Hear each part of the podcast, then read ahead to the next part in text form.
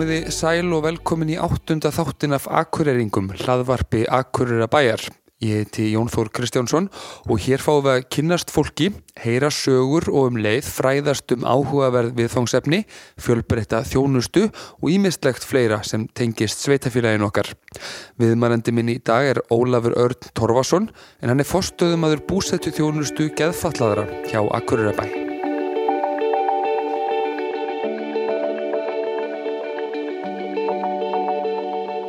Ólafur Örn, verðstu velkomin í hlaðvarpið. Þakka kjallaða fyrir. Ertu ekki útkallaður Óli, ekki satt? Jú, annarkvært Óli eða Óli T. Því við vorum, þegar ég var alast upp hérna á Akureyri, þá vorum við fjórir Ólar saman í bekknum. Já. Og þá þurfti að svona ken, kenna, kenna okkur með, þú veist, stöfunum okkar. Já. En yfirleitt er ég bara kallaður Óli eða Óli Torfa. Já, en það er lagi að ég kalliði Óla hér. Já, já. Glæsilegt. Herru, þú kemur úr svona, já, velferðar geiranum, getur við sagt, hjá Akureyrabæ. Já. Er þetta að vinna með fólki með, með geðraskanir og hefur verið í dálta langan tíma. Uh, og mér langaði svona að fræðast um það hvað þú gerir í, í vinnunni og um svona það hvað sveitafélagi er að gera í, í þessum málaflokkum og svo leiðis Já. og líka og ekki síður kynast ég aðeins svona persónulega og heyra hvaða mann þú, þú hefur að geima svona eftir því sem hægt er á, á hérna, tiltölulega stuttum tíma Já. eh, þannig mér langar eiginlega að byrja því að, að byrja þeim að segja mér sko já, hver ertu og, og kannski einna helst hvaðan ertu Mm Já, eins og áður hefur komið fram, þá veit ég Ólafur Torfason. Ég er fættur og uppalinn hérna á Akureyri. E, ólst upp í Þorpinu, 603, mjög stoltur af því. Þorpari Þorpari, Þósari. Þannig að, að það er upp og var í Glerárskóla, alla minn grunnskóla.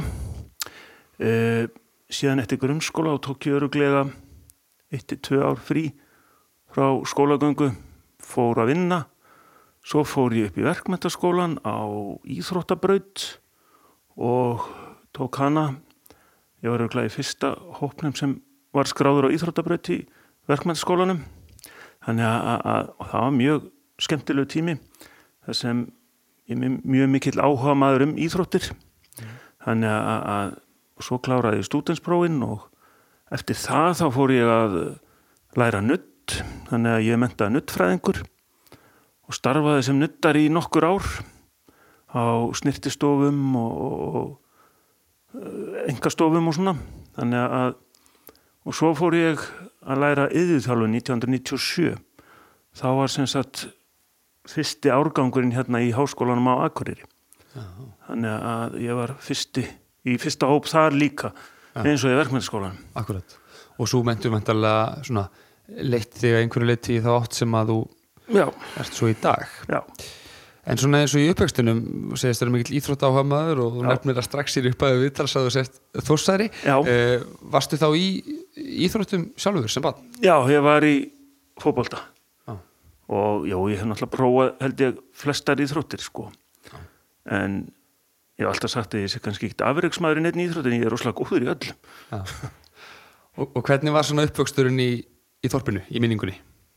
hann var mjög skemmtilegur það var ánlega mikið af nýjum blokkum þannig þannig að, að sem sagt, þeirra skarslín er að byggjast upp og upp í sunnulíð og svona þannig að fullt af nýjum blokkum rosalega mikið krökkum mikið líf sem sagt út á kvöldin allir í fótbolta eða í einhverjum leikjum og, og, og þarna voru kannski 20-30 krakkar að leika sér saman. Og það voru haldið allskins íþróttakeppnir þú veist, skíðakeppni og það er alltaf verið að keppa í öllu. Og jafnvel haft einhver velun í bóði og eitthvað svona sem að eitthvað í sjoppa eða eitthvað skilur þá tekið tími þegar maður var að renna sér og skíðum niður eina brekku eða eitthvað svona. Að þetta var, þetta var frábært og, og maður á ennþá marga góða félaga frá því í þorpinni gammalda Og fylgistu vel með hérna, já, knaspinu og, og, og þínu liði í, í dag? Já, ég náttúrulega eins og hefur áður komið fram þá verið þósari bara leggja áherslu á það við þig. Það er búið að koma frá þrísari viðtalinu og við erum bara rétt byrjaðir ég veit það. Og já, já, ég sem sagt fer rosalega mikið á, á leiki bæði hjá sem sagt köllunum í fyrstöldinni og, og svo fylgist ég líka með körubolta mjög mikið.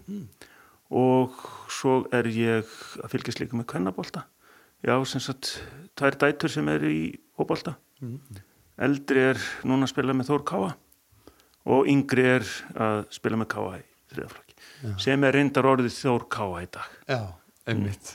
En eins og auðvitað fyrir pappan kannski. Það er mun þægilega, það var mjög undarlegt fyrst er maður þetta að fara að kaupa einhvern Káa-varning Já, en ég menna er það ekki eitt af því sem maður hérna horfir í gegnum eða maður hérna ef þetta tengist börnurum hans? Jó, klárlega, maður bara félagskapurinn, það er þú veist mín hugssjón í íþróttum er félagskapurinn er svo gríðalega mikilvægur, þú veist að geta verið með vinu sínum. Það, þá skiptir ekki máli, öllu máli hvað lið er. Segðu mér aðeins meira, Óli, frá fjölskyldunniðinni Já, ég er sem sagt, við erum, eða fóreldra mínir eru eh, sem sagt, eða pappi minn er að vestan og frá Söðakrúki, eða þar í sveitum og mamma mín er hér úr nöstakvarinu og við erum fimm sískinni, tveir, tveir eldri bræður og svo er tvær yngri systur. Já. Þannig að ég er í miðjunni Já, og við búum öll hérna á Akureyri í dag já, sem er ótrúlegt, sko. já. Og, og mikið samband og, og svo leis Já, já, já, já, tölvert samband. Mm. Og þú nefnir auðvitað tvær dætur og þú hérna Já, og eitt svon líka. Já, sagt, já, svon sem er 28 ára og hann býr hérna líka í dag og er að vinna á, í þjónustkjarna og svo ég dætur önnur er að sagt vinna á leikskóla og hinn var bara að klára grunnskóla Mm. þannig að þannig að þú ert með bara þitt fólk hérna alveg í, í kringuð í, í stóru stíl já, sem er rosalega gott Já. og frábært einmitt mm. Hvers vegna fórstu í, í, já, í yðjúþjálfun á sím tíma? Það er í raun og veru fáránlega saga. Það er sko, ég var alltaf að hugsa, þú veist, ég var að starfa þarna sem nuttari og, og svo þetta maður alltaf vinna eitthvað með það því það var ekki droslega mikið að gera endilega í nuttinu þannig að maður væri með stöðugar tekjur. Þannig að, að ég var alltaf að hugsa eitthvað, þú veist, hvað ætti að verða þegar ég yrði stór. Og þá bjó ég í Reykjavík, ég bjó í Reykjavík í fjögur ár á samt konu minni sem var að menta sem, sem þroskaþjálfa. Smá einskott, hver er konaðinn? Margrét Bergmann Tómasdóttir heitir hún. Já. Hún er þroskaþjálfu og sérkennari og er að vinna á starfsbreytin í verkmyndsskólanum. Já, já, einmitt Þannig- að þið eru svona, þú og hérna og, og Margrét og, og þú nefnir svona ykkar, þið eru Já. öll svona í þessum í þessum svona svipuðum geira. Já, það er einhvern veginn hefur bara þróast hannig og ja, þetta er einhvern veginn mér, já, það er alltaf heilla með að vinna með fólki og, og, og sko, kona mín hún var nú alltaf að vinna í þessu og þegar ég kynntist henni þá var hún að vinna í þessu og þá náttúrulega list mér ekkert á ef hún kom með einhverja einstaklinga sem voru eitthvað skertir. Ég var bara hálf svona smeykur og forðaði mig bara út en sem betur fer þá kynntist ég þessu fólki og, og, og mér líka rosalega vel að vinna í þessu. Og já, ég elska bara þessa flóru. Sagt eins og mannskeppnan er, hún er alls konar og það er bara mjög gaman. En þú skilur þá kannski mögulega svona já, fordóma að einhverju leiti eða, eða fólk sem er jafnvel bara já, hrætt eða, eða, eða líður svona ekki sérstaklega vel í, í kringum þar sem það þekkir ekki Já, ég held að það sé fyrst og fremst bara þekkingaleysi. Þú veist, maður er kannski smeyk við það sem maður þekkir ekki. Eh, en maður ætti kannski að gefa því smá séns. Að því um leiða maður kynnist að það er alltaf skemmtilegasti hópur sem maður þekkir Já. og vinnur með. En þú vorst að segja mér meira frá því eh, hvers vegna þú fórst í, í yðvíþjálfun Já, Það var merkilega saga, þú varst að lofa góður sögu. það var nefnilega mjög merkileg saga og sýnir hvað maður tekur ígrundar ákvarðanir stundum.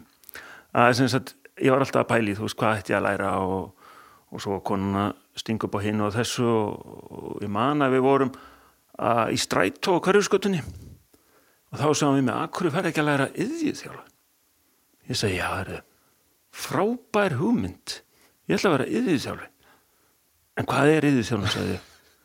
Ég, það er bara eitthvað að vinna með fólki held ég. Það var náttúrulega yfirþjálun ekki kent hérna á Íslandi.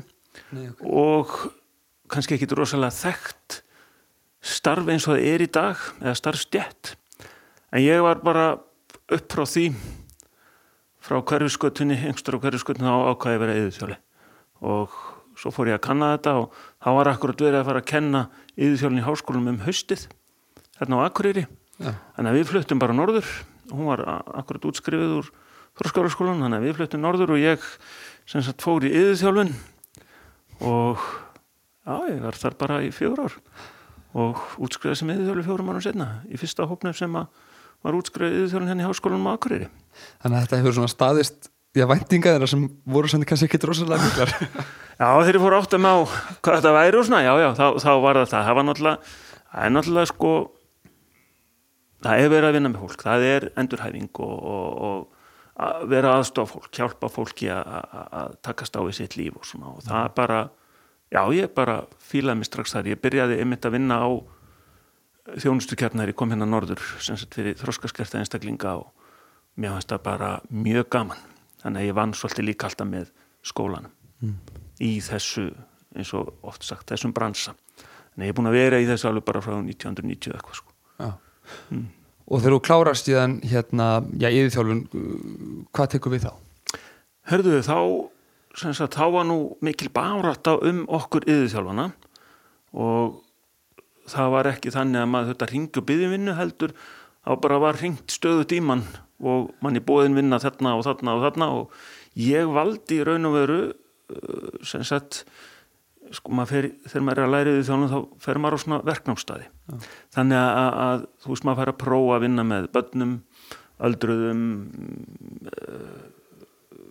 föllöðum og, og einstaklingum með geðröskun. Maður fær í raun og veru alla flóruna hjálpatæki og eitthvað svona.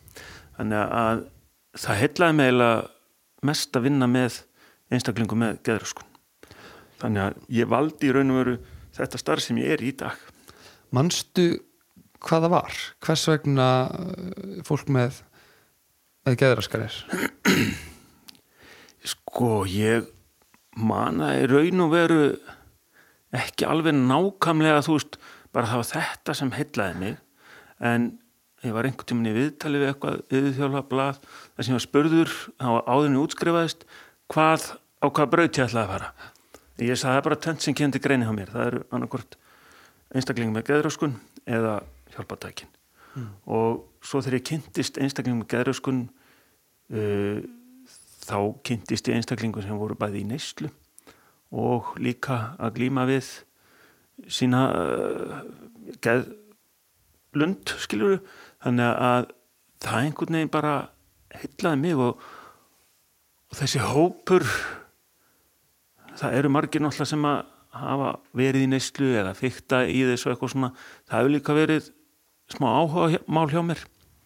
Að kynnast svona einstaklingum þeirra bakgrunni um, af hverju leiðist út í þessa braut á lífinu.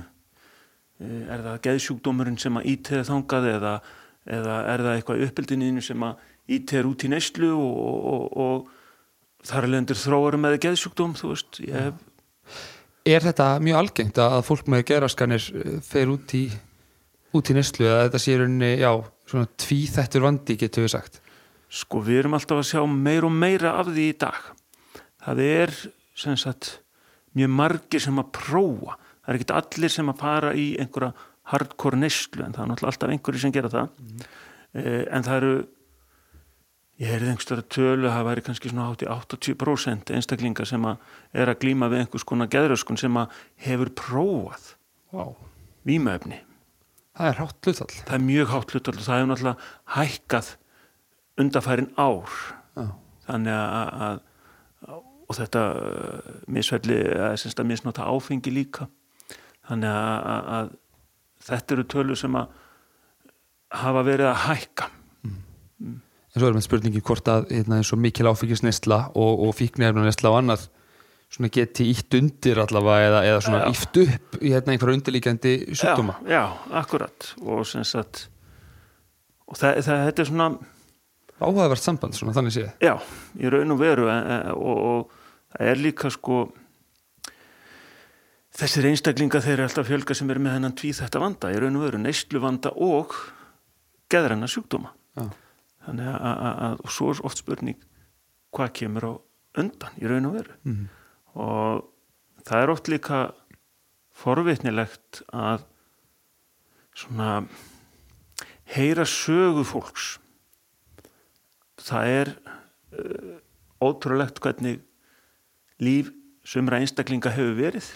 Svo sem ekki að fara nánar út í það hérna, en, en það er svona það er, það er bara áhugavert að skoða að því maður sér alltaf bara þessa glansmynd fimmanna hamingisum fjölskylda og um flottan bíl og allt þetta og, og svo kannski er innviðurinn ekki einn sterkur.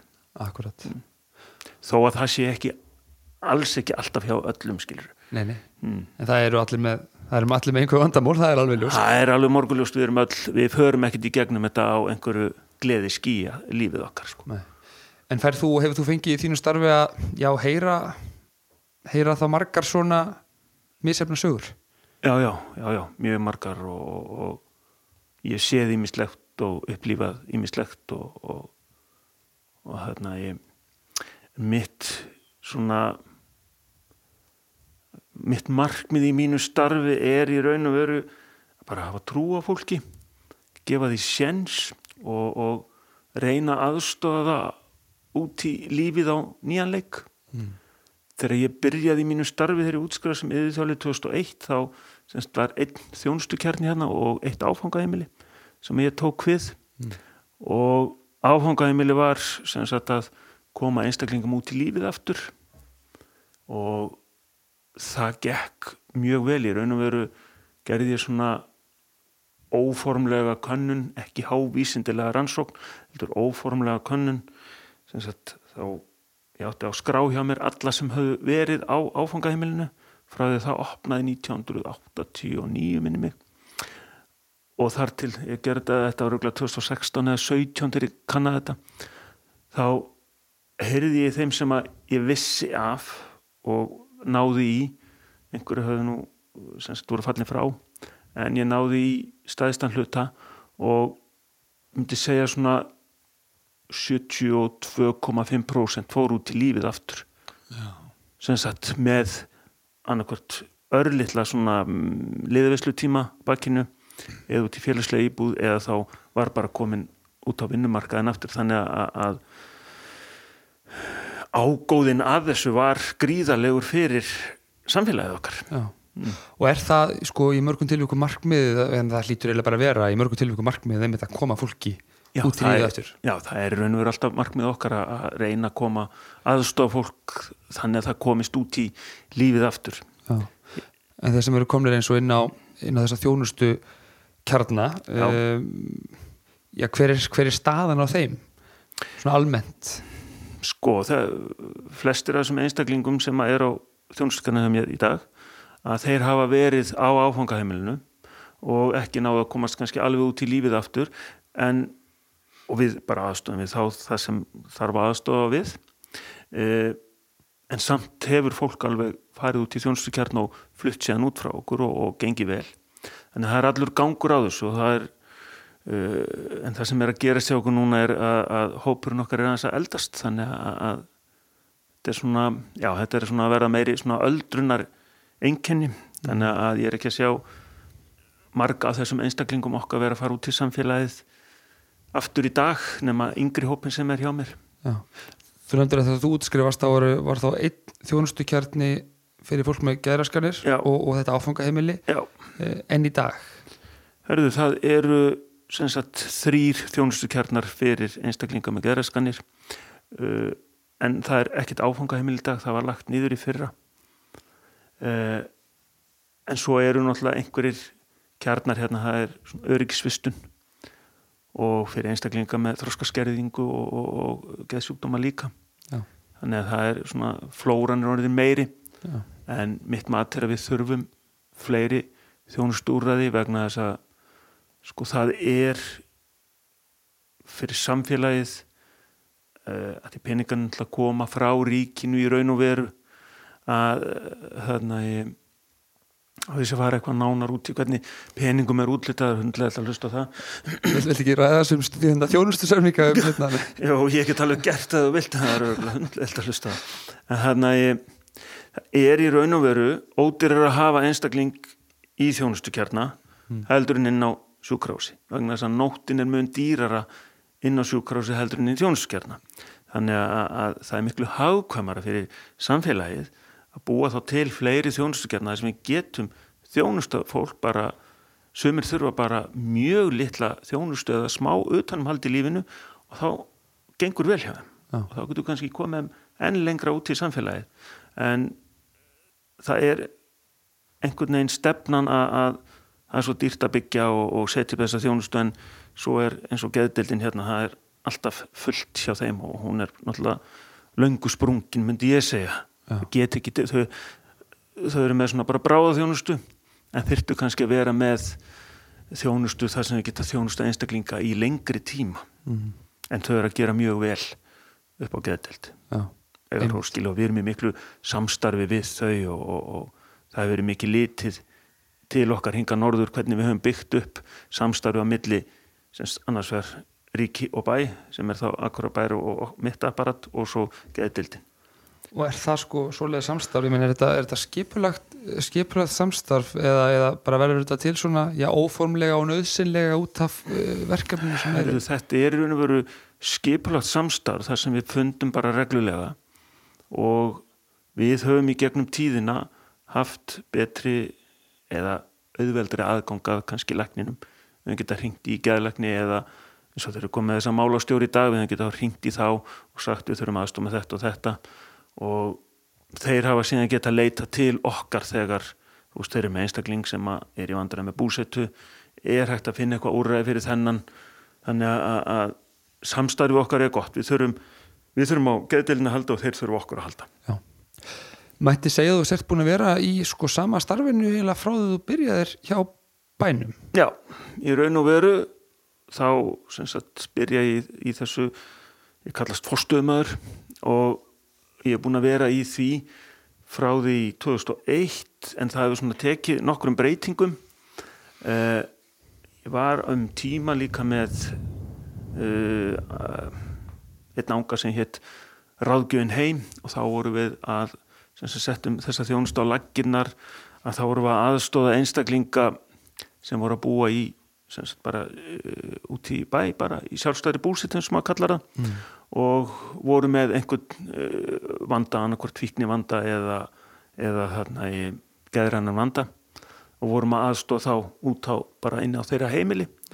Þannig að ég var með það á tímabili og svo var ég með aðra þjónustu sem að kallaði skránufélagsteimið og þá voru að aðstóða einstaklinga í, sem voru í neyslu. Þannig að, en það er búið að færa það annað. Þannig að, og fyrst þegar ég byrjaði í þessu þá var ég rosalega mikið út á vettvangi en það eru meira kannski svona skrifstofu blók í dag Já, einmitt Hvernig, hvernig Ha. líkaði það? Herðu, það er sumuleiti skemmtilegt en það er, mér finnst líka gaman að vera út á vettvangi Já, og núna fyrir nokkur síðan þá tók ég við lautinni sem er atkvar fyrir geðfalla og ég hef mjög gaman einmitt að þeirri vinnu að, að sem sagt ég er að skipuleggja og, og reyna að setja svona inn, markað setja lautina og setja inn meira starf þar. Já. Það er mjög gaman. Segðu mér að smera frá frá lautinni, þetta er sko, þetta er atkvarf en, en fyrir hverja og, og hvernig virkar það Já. apparat? uh, atkvarfið uh, lautin uh, það er til svona fyrirmyndir bæði Reykjavík og Erlendis. Þetta er eins og vin er í Reykjavík Rauði krossin hefur verið að setja á laginnar þannig að þegar lautin opnaði, ég man ekki alveg hvort það var 99 eitthvað svo leiðis eða, eða 2000, 2001, ég man ekki alveg ártöl en það var eitthvað í nei, skiptir ekki öll en það var eitthvað í kringu þetta að þá var það Akurabær, Geðvendafélagið og Rauði krossin sem rakata og er búin að gera í öll þessi ár þar til núna í september á þess ári að þá sem sagt tekur uh, Akurabær bara yfir reksturinn. Og lautin er hugsuð þannig að þarna bara, þetta er bara atkvarf og fólk getur komið þarna bara á sínum eigin forsendum. Uh, það getur fengið að borða þarna gegn vægu og gjaldi. Það er eldaða matur alltaf í hádeginu. Þú getur komið og spilað uh, sest niður í klukktíma og spjalla við eh, félaga eða einhverja gesti þarna og teki bara þátt í því starfi sem að þér hendar þarna. Eh, þú þarf ekki að bóða komuna þína eitt en eitt, þú bara mætir þegar þér hendar svo eru við líka náttúrulega með fasta kuna þannig að þetta eru einstaklingar sem að eiga í gæðrænum vanda að stríða að þetta er í raun og veru hugsað sem atkvar fyrir þá en svo höfum við, höf við líka verið að fá einstaklingar sem eru bara einmanna mm. og svona reyna að rjúa félagslega einangrun og koma þarna Þannig að þú þarfst ekki, að mæta með hérna, leknisfóttur til að fara þannig Alls ekki, alls ekki Það er allir velkomnir þannig. Allir velkomnir, já. já og við erum ekkert að pæla í hvort að þú sést með einhverja greiningu eða ja. þú ert bara velkomin þú ert velkomin hvena sem er í raun og veru meðan er opið og, og er opið í rauninni bara já, allan daginn eða hvernig er opið? Það er opið hálf tíu á mótnan til þrjú á daginn núna já. svo spurning hvernig við ætlum að hafa þetta í haust við erum svona aðeins að skoða þetta ætluðu þið ekki að gera eitthvað skemmtilegt í sumar meir en hefur verið? Jú, við erum að uh, prófa núna eitthvað sem höfum ekki prófað áður og það verður með opið einsinu viku að kvöldi til og þriðutaskvöldum byrja núna 16. júni og þar erum við með fastmáta dasgrá eða fólk vil taka þátt en svo getur fólk líka bara komið og hengið sér kaffibotla og, og spjallað og, og þetta verður einsinu viku ah. hjá okkur og alveg fram, verður frá 16. júni fram í 18. ágúst minni með eitthvað sleis Rúnar F. ætlar að koma að spila hjá okkur fyrsta kvöldið og ætlum að grilla og svona. Já, bara veisla. Það eru veisla, við hefum fengið einhverja hambúrgar að gefa eins og fyrirtækjum og brauð og svona þannig að við ætlum að grilla og hafa gaman. Og ætlum að bjóða upp á ímislegt það verður geft í pílu ekkert kvöldið þarna og, og ætlum að hafa minigól líka og, og mála og svo verður slökun og það er svona ímislegt í gangi mm. og, og hversu margir eru að já, nýta sér þessa þjónustu sem hefur verið í gangi í, í, í lautinni? Já, allir sé ekki svona 15-20 manns á dag við erum já. með svona þetta er meðaltalið við erum með held ég 55 gesti á skrá hjá okkur já. sem er koma einsni viku sem er kannski tvisar í mánu en meðaltalið er kannski svona 15 18-20 manns á dag sem að droppa inn en við erum kannski með meðaltalið svona 10 í mat. Já. og fólk vantarlega á mjög svona já, ólíkum stað í, í lífinu eða, eða já, mjög, mjög. Og ég minna við höfum verið aðstofa einstaklinga til dæmis sem að eiga komast ekki í þóttavel við erum með þóttavel, það kemur og setur í þóttavel og þörkara hjá okkur. Já. Eh, við höfum verið með einstaklingar sem er í samfélagsþjónustu sem satt frá fangilsmálustofnun að þeir koma hann inn og, og, og vinna í raun og veru af sér þannig að, að, við erum með mjög breiðan hóp mm. og mikla flóru Sko ég spyrði þér nú um fjöldan vegna þess að hérna, kannski svolítið ávart að velta fyrir sig sko, það er tiltölu öðvelt að fylgjast með því hversu margir nýta svona þjónustu og, og þjónustu yfir höfuð Já. það er aðeins erfiðar að kannski að fylgjast með því hverjir nýta hana ekki.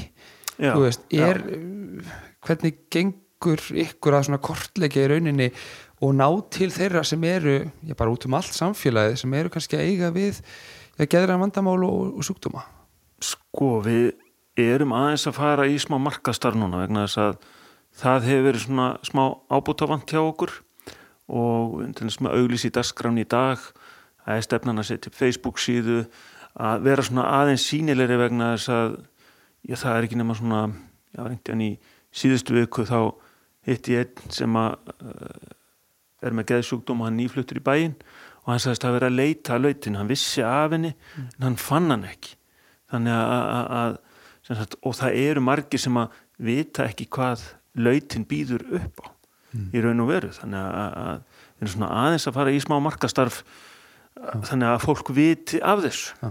Þetta lítur að vera svona áskorum bara heilt yfir hérna, heilt yfir sviðið að einmitt að ná til, ná til fólks og, og virkja fleiri til þess að nota úræðin Algjörlega, algjörlega, það er bara mjög mikilvægt og, og, og það er líka mikilvægt að sagt, einstaklingar viti af þessu. Mm. að þó er allir sér kannski ekki að nýta þetta en svo kemur eitthvað upp á eftir þrjá mánu þá veistu þú getur komið þarna og fengið kaffibólla og sest og spjallað og ja. komist í smá félagskap. Ja.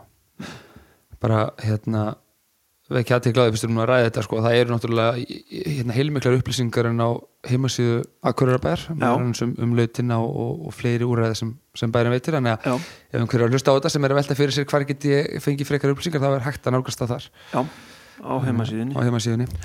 Uh, Hvað um það? Uh, þú er búin að vera í þessu núna í já, hátt í 20 ár í, í þessu starfi eða svona sambarilegu starfi. Já. Uh, Hvað er svona já, ég ætla bara að leiða mér að segja hvað er svona skemmtilegt við þetta? Því Ég held þú verður ekki búin að vera í þessu sem þetta er skemmtilegt. Herðu, það er náttúrulega margt rosalega skemmtilegt og, og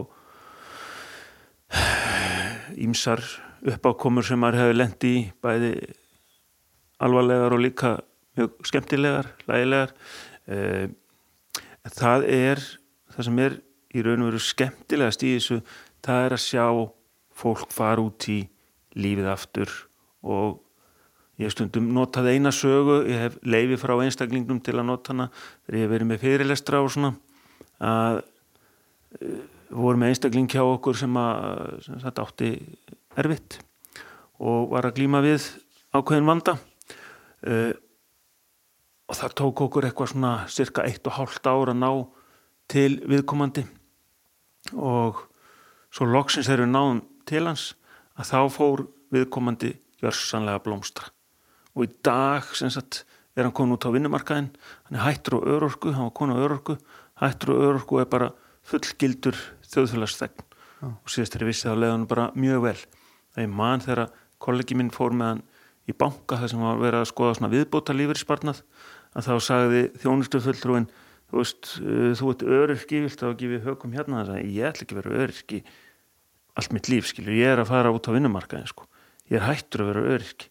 Og það er akkurat svona sögur, það er gaman að sjá fólk sem að hefur mistök á lífísinu eða verið í einhverju vanda og komast út í lífið á nýjan leik, það eru svona maður á svona nokkra sögur sem maður er virkilega bara stoltur af.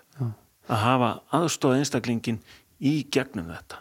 Og er þetta svona eina ástæðan fyrir tíu þetta, þetta gefur þér að sjá hennan árangur? Já, já, Já, og gefa mig meira heldur en að sitja kannski inn á skrifstofu og svari síman Já, akkurat.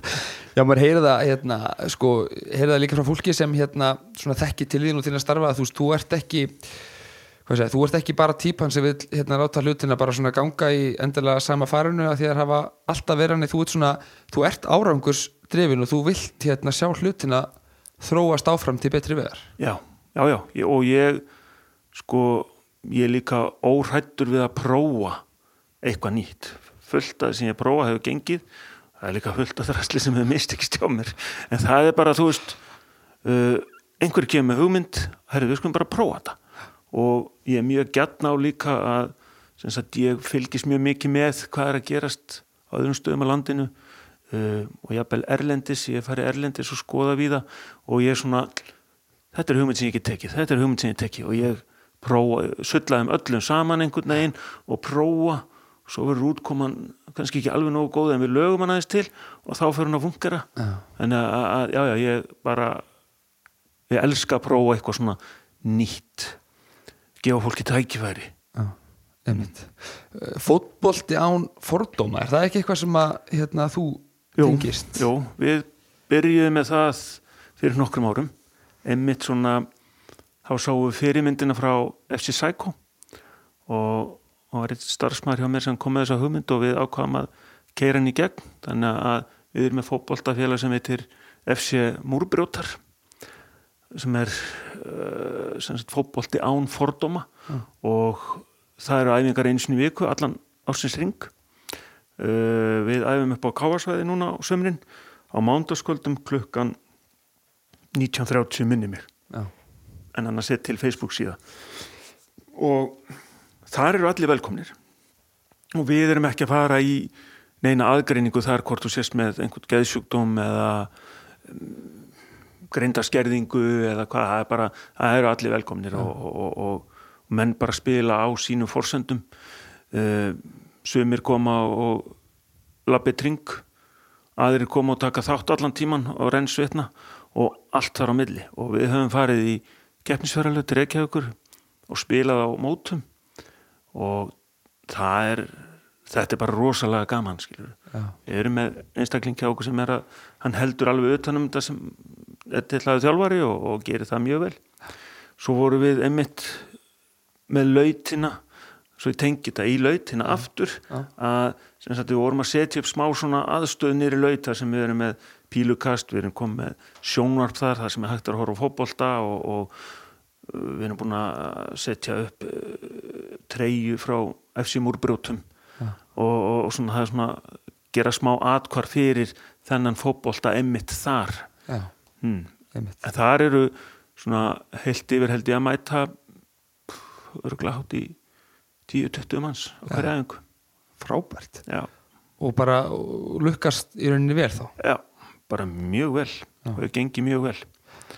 Er þetta ekki svona eitt af þessum dæfum bæði þetta og, lautin og fleira sem þau eru að gera sem er svona, en maður ímynda sig það allavega þannig að ég veit nú mikið um, um sögu þessa málaflokk sem maður ímynda sig þetta er svona eitt af því sem að hefur já, breyst og svona áherslu breytinga hvernig, hvernig e, notandinn og, og já, skjólstæðingurinn er hérna, já, meðhöndlaður getur við sagt.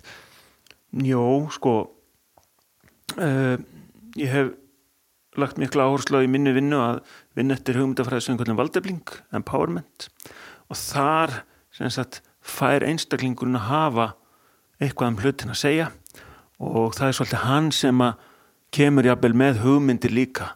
Hann hefur eitthvað um að segja þú veist eins og til dæmis í, í fótboltanum. Hvað ætlum við að gera? Eða inn í laut, hvað viljum við gera? Það er ekki bara ég sem kemur og segja herru nú hefur að gera þetta mándu, þrjóðum og mögdum heldur einstaklingurinn fær líka sitt vægi. Og við hlustum og við leifum honum að svolítið stýra. Þannig að, að, að við höfum verið með eins og hjá okkur svona notendaráð og þar eru einstaklingar frá okkur, skjólstæðingar eins og maður kallar það, þeir eru í notendaráði. Og þeir hafa eitthvað um þjónsun að segja. Ég skoðaði einhvern tíðan þegar ég var erlendis þá sá ég á einu stað þar sem sko einn íbúin hann tók þátt í öllum ráðningasamtölum. Já, þannig að þegar var að vera að ráða nýjan starfsmann að þá var sem sagt yfirmaðurinn og svo var einn frá notendunum og hann satt öll viðtöl og, og sagt þannig að, að það var svolítið flott að þetta komist í gegnum ekki bara eina síðu heldur tvær síður. Já. hmm. það er mjög merkilegt. Það er mjög merkilegt. Ég, mér eru ekki tekist að komast í gegnum þetta apparat hérna hjá okkur þessa stjórnsýslu sem við búum við en, en þetta er mjög áhugavert. Já, já. Aldrei að vita hvað gerist í framtíðinni. Já, algjörlega. Og líka ég menna þú veist ef einhver er að fara að vinna í þínum málum það er rosalega gott að geta valið. Ég menna ef ég þarf að láta mála húsi á mér þá get ég valið með málara. Mm. En þetta er svona áherslu breyting þetta verður ekki alltaf verið svona. Þú veist þessi Nei. hugsun. Nei, þetta er náttúrulega með þessari valdeflinga hugsun þá hefur mjög margt breyst. Minnir að valdeflingi sé sko frá 1954 eða eitthvað byrjaði bandaríkjunum. Og það var einmitt kona sem að laðist inn á geðsjúkrós og henni var svo vond hvernig öll völd voru tekin frá sér. Þannig að, að hún var í raun og veru bara þykjandi og hún vildi það ekki. Þannig að hún fór að berjast fyrir sagt, að þau fengju aukin völd. Við vitum hvernig er ofta sjúkráskerfinu að veist, ég er bara komin hérna inn og það er bara læknir sem ræður. En þetta er að breytast mjög mikið sem betur fer og það, þetta hefur líka breyst mjög mikið hjá okkur við erum alltaf að reyna að fá einstaklingin til að fá meiri völd í sínu lífi og hann þekki sín réttindi, ég get ekki bara vera að bylla einhverja vittlis bara er þú er að gera þetta svona því ég segja Já. heldur að hann geti komið eitthvað á móti Einmitt. og er þessi hugsun eh, já, alls ráðandi í svona velferða þjónustunni heldur hérna, já, já, Akureyrbæ og víðar á landinu Já, sko, við höfum verið að innlega þetta hjá Akurabæ og þetta er mjög víða notað í, í sagt, sérstaklega geðgeranum en þetta er að aukast líka í öldrunageranum e, við hefum talað um notendaráð þetta kemur raun og veru úr valdeflingunni. Mm. e, það eru staðir eins og hlutverkasettur fyrir sunnan hugarafl, þetta er allt sem er að vinna eftir sagt, hugmyndafræði valdeflingar. Já, þannig að já, það, þetta er alltaf við, erum alltaf að sjá aukið vægi í þessu já, Mm. og svona almennt eh, hérna kannski erfitt en samt kannski auðvelt fyrir þig að leggja mat á það sko, hvernig við stöndum okkur heilt yfir að, já, hlúa að þessum hópi eins og sem, þeim sem þú vinnur með, fólk með geðraskanir Mhm. eins og við hérna á Akureyri, hvernig, hvernig stöndum okkur í því? Sko við stöndum okkur mjög vel í því var náttúrulega slæmt ef við sagði við stæðum okkur hökar illa það sem ég er að stýra þessu. En já, við stöndum okkur vel en við þurfum samt að gera betur. Okkur, mitt mat er að við þurfum fleiri þjónustu kjarna. Eh, við þurfum að bæta við upp á geðdild þannig að það væri svona bóði lengri endurhæfing. Eh, og svo náttúrulega þurfum við að auka tækifæri fyrir einstaklinga komast út á vinnumarkaðin það er rosalega erfitt sem sagt eh, þegar þú kannski flytur inn á inn í þjónstukerna hjá mér að komast út á vinnumarkaðin kannski í hlutavinnu, tvo tíma á dag að- að að það, það vantar fleiri svona tækifæri sem, og það er auðvelt að búa þau til ef við viljum það. Mm, og bara erum óhrætt við að prófa. Við tölum nú svona aðeins um það áðan en, en hérna varðandi svona já, fordóma og, og hvernig litið er á hérna fólk sem ekki að sjúkdóma. E, finnur þið mikla breytingu á því frá því þú byrjaðir? Já, það, er, það hefur nú minkað fordómanir og, og svona eh, þekkingin í samfélagin er orðin meiri og, og, og eh, einstaklingar orðin meiri sínilegir þú veist skamma sín ekki fyrir þú veist ég er með geðsjúkdóm og, og, og ég þarf að skammast mér fyrir það. Þannig að, að, að það er það er alltaf að að verða betra og betra og það er sko ég man fyrst þegar ég var að byrja í þessu þá var ég ótt spurðið þú veist hvernig þú voru að fara að vinna með geðsjúkdóm?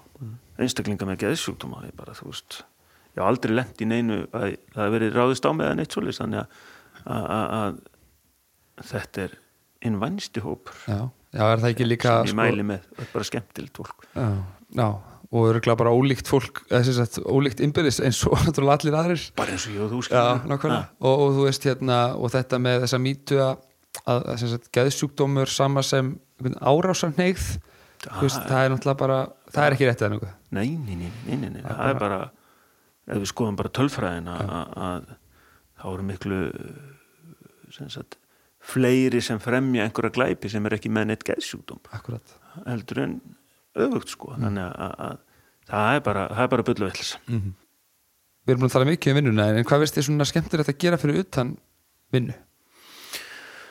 Herrið, það er náttúrulega íþróttir eiga svolítið stóran part í lífi mínu. Þannig að, að, mér finnst það náttúrulega mjög gaman að fara einmitt á völlin og, og, og horfa á íþróttir eins og segi sérstaklega fótbolt og körbólt svo er ég mikið í pílukasti líka núna.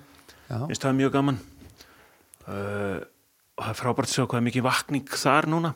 Já, já, er ekki svolítið mikið um það núna hér? Jú, bara, um allt Allt land, í raun og veru sko. Þannig að, að einmitt skemmtilegt. Ég opnaði fyrsta pílukastsalinn hérna, sem til var á Akkurri 1980 eitthvað. Við. Þannig að ég var svolítið langt á undan minni samtíð. Já, já, að- hvernig hérna voru að segja mér aðeins meira frá því?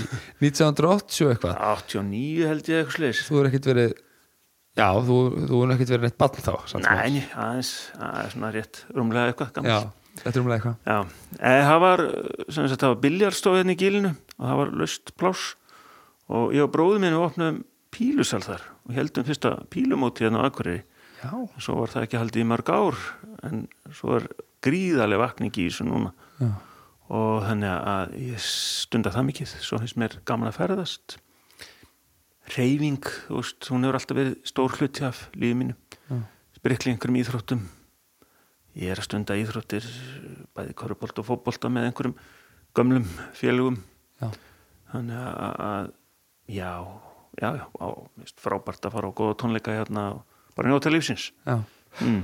Og að því að við erum nú hérna í þessu podcasti sem að, eða hlaðvarpi sem að heitir sko Akureyringar og þetta hlaðvarp Akureyrabæjar það finnst mér Já. svona alltaf alltaf eiginlega nöðsynlegt sko að heyra frá fólki sem eru Akureyringar og búa hér Já. hérna í rauninni hvers vegna fólk, fólk býr hérna vegna þess að þú getur auðvitað valið um að búa nokkurn veginn á öllum stöðum í heiminum Mm ákveða að búa hér uh, hvers vegna er það? uh, sko ég held að sé alltaf mikilvægt að hafa góða vinnu. Þannig að, að það er náttúrulega eitt og svo er maður fættur og uppalinn hérna. En samt hérna hjá Akurabæ skilur þú veist, við höfum í raun og veru allt skilur þú veist, við höfum frábæra aðstöð hérna upp í sundlög og það tekur maður fimm minútur að labba í sundlögina við höfum frábæra aðstöð upp í skíða hlýðafellinu okkar. Veist, það tekur fimm minútur að fara þangað. Við höfum frábæra aðstöð til íþróttaiðkuna, við erum með græna hattin hérna, frábæra tónlistastað. Mm. við erum með frábæra veitingastað hérna, þetta er bara svona lítið þægilegt samfélag. Og já, mér er bara mjög gott að búa hérna. Hmm. Einmitt. Svona í lokin, hvað tekur við hjá þig núna á næstu, næstu misserum, hvernig lítið sumarið út og, og svo leiðis? Herðu, ég fer alveg að fara dætt í sumafrí það verður rosalega gott og ég ætla að gera eins og flestir bara ferðast innanlands mér finnst rosalega gott að að því ég er nefnilega hálf klikkaðu sjálfur að vera ekkert að skipilegja mig of mikið. Þannig að mér finnst rosalega gott að taka bara svona ákvörðin herru ég ætla að fara austur núna. Og þá fer ég bara austur skilur og finn mér einhverja stað til að gista á hótel eða gisteimil eða tjald eða eitthvað og, og svo er allt inn betra við Reykjavík þá bara hefur ég ætlað að fara til Reykjavíkur mm. en það er svona sumafríð tekur gildi og eða semst er að byrja og svo náttúrulega bara áframhaldandi vinna og, og áfram að sinna mínu sem að ég þarf að gera og svo náttúrulega að horfa á þósar að fara upp í eftir dild Já, nákvæmlega. Það verður sannanlega spennandi að, að fylgjast með því og bara skemmtilega loka orð uh, Ólafur Örn eða Óli Torfa Já. Takk kærlega fyrir spjallið. Takk sem leiðis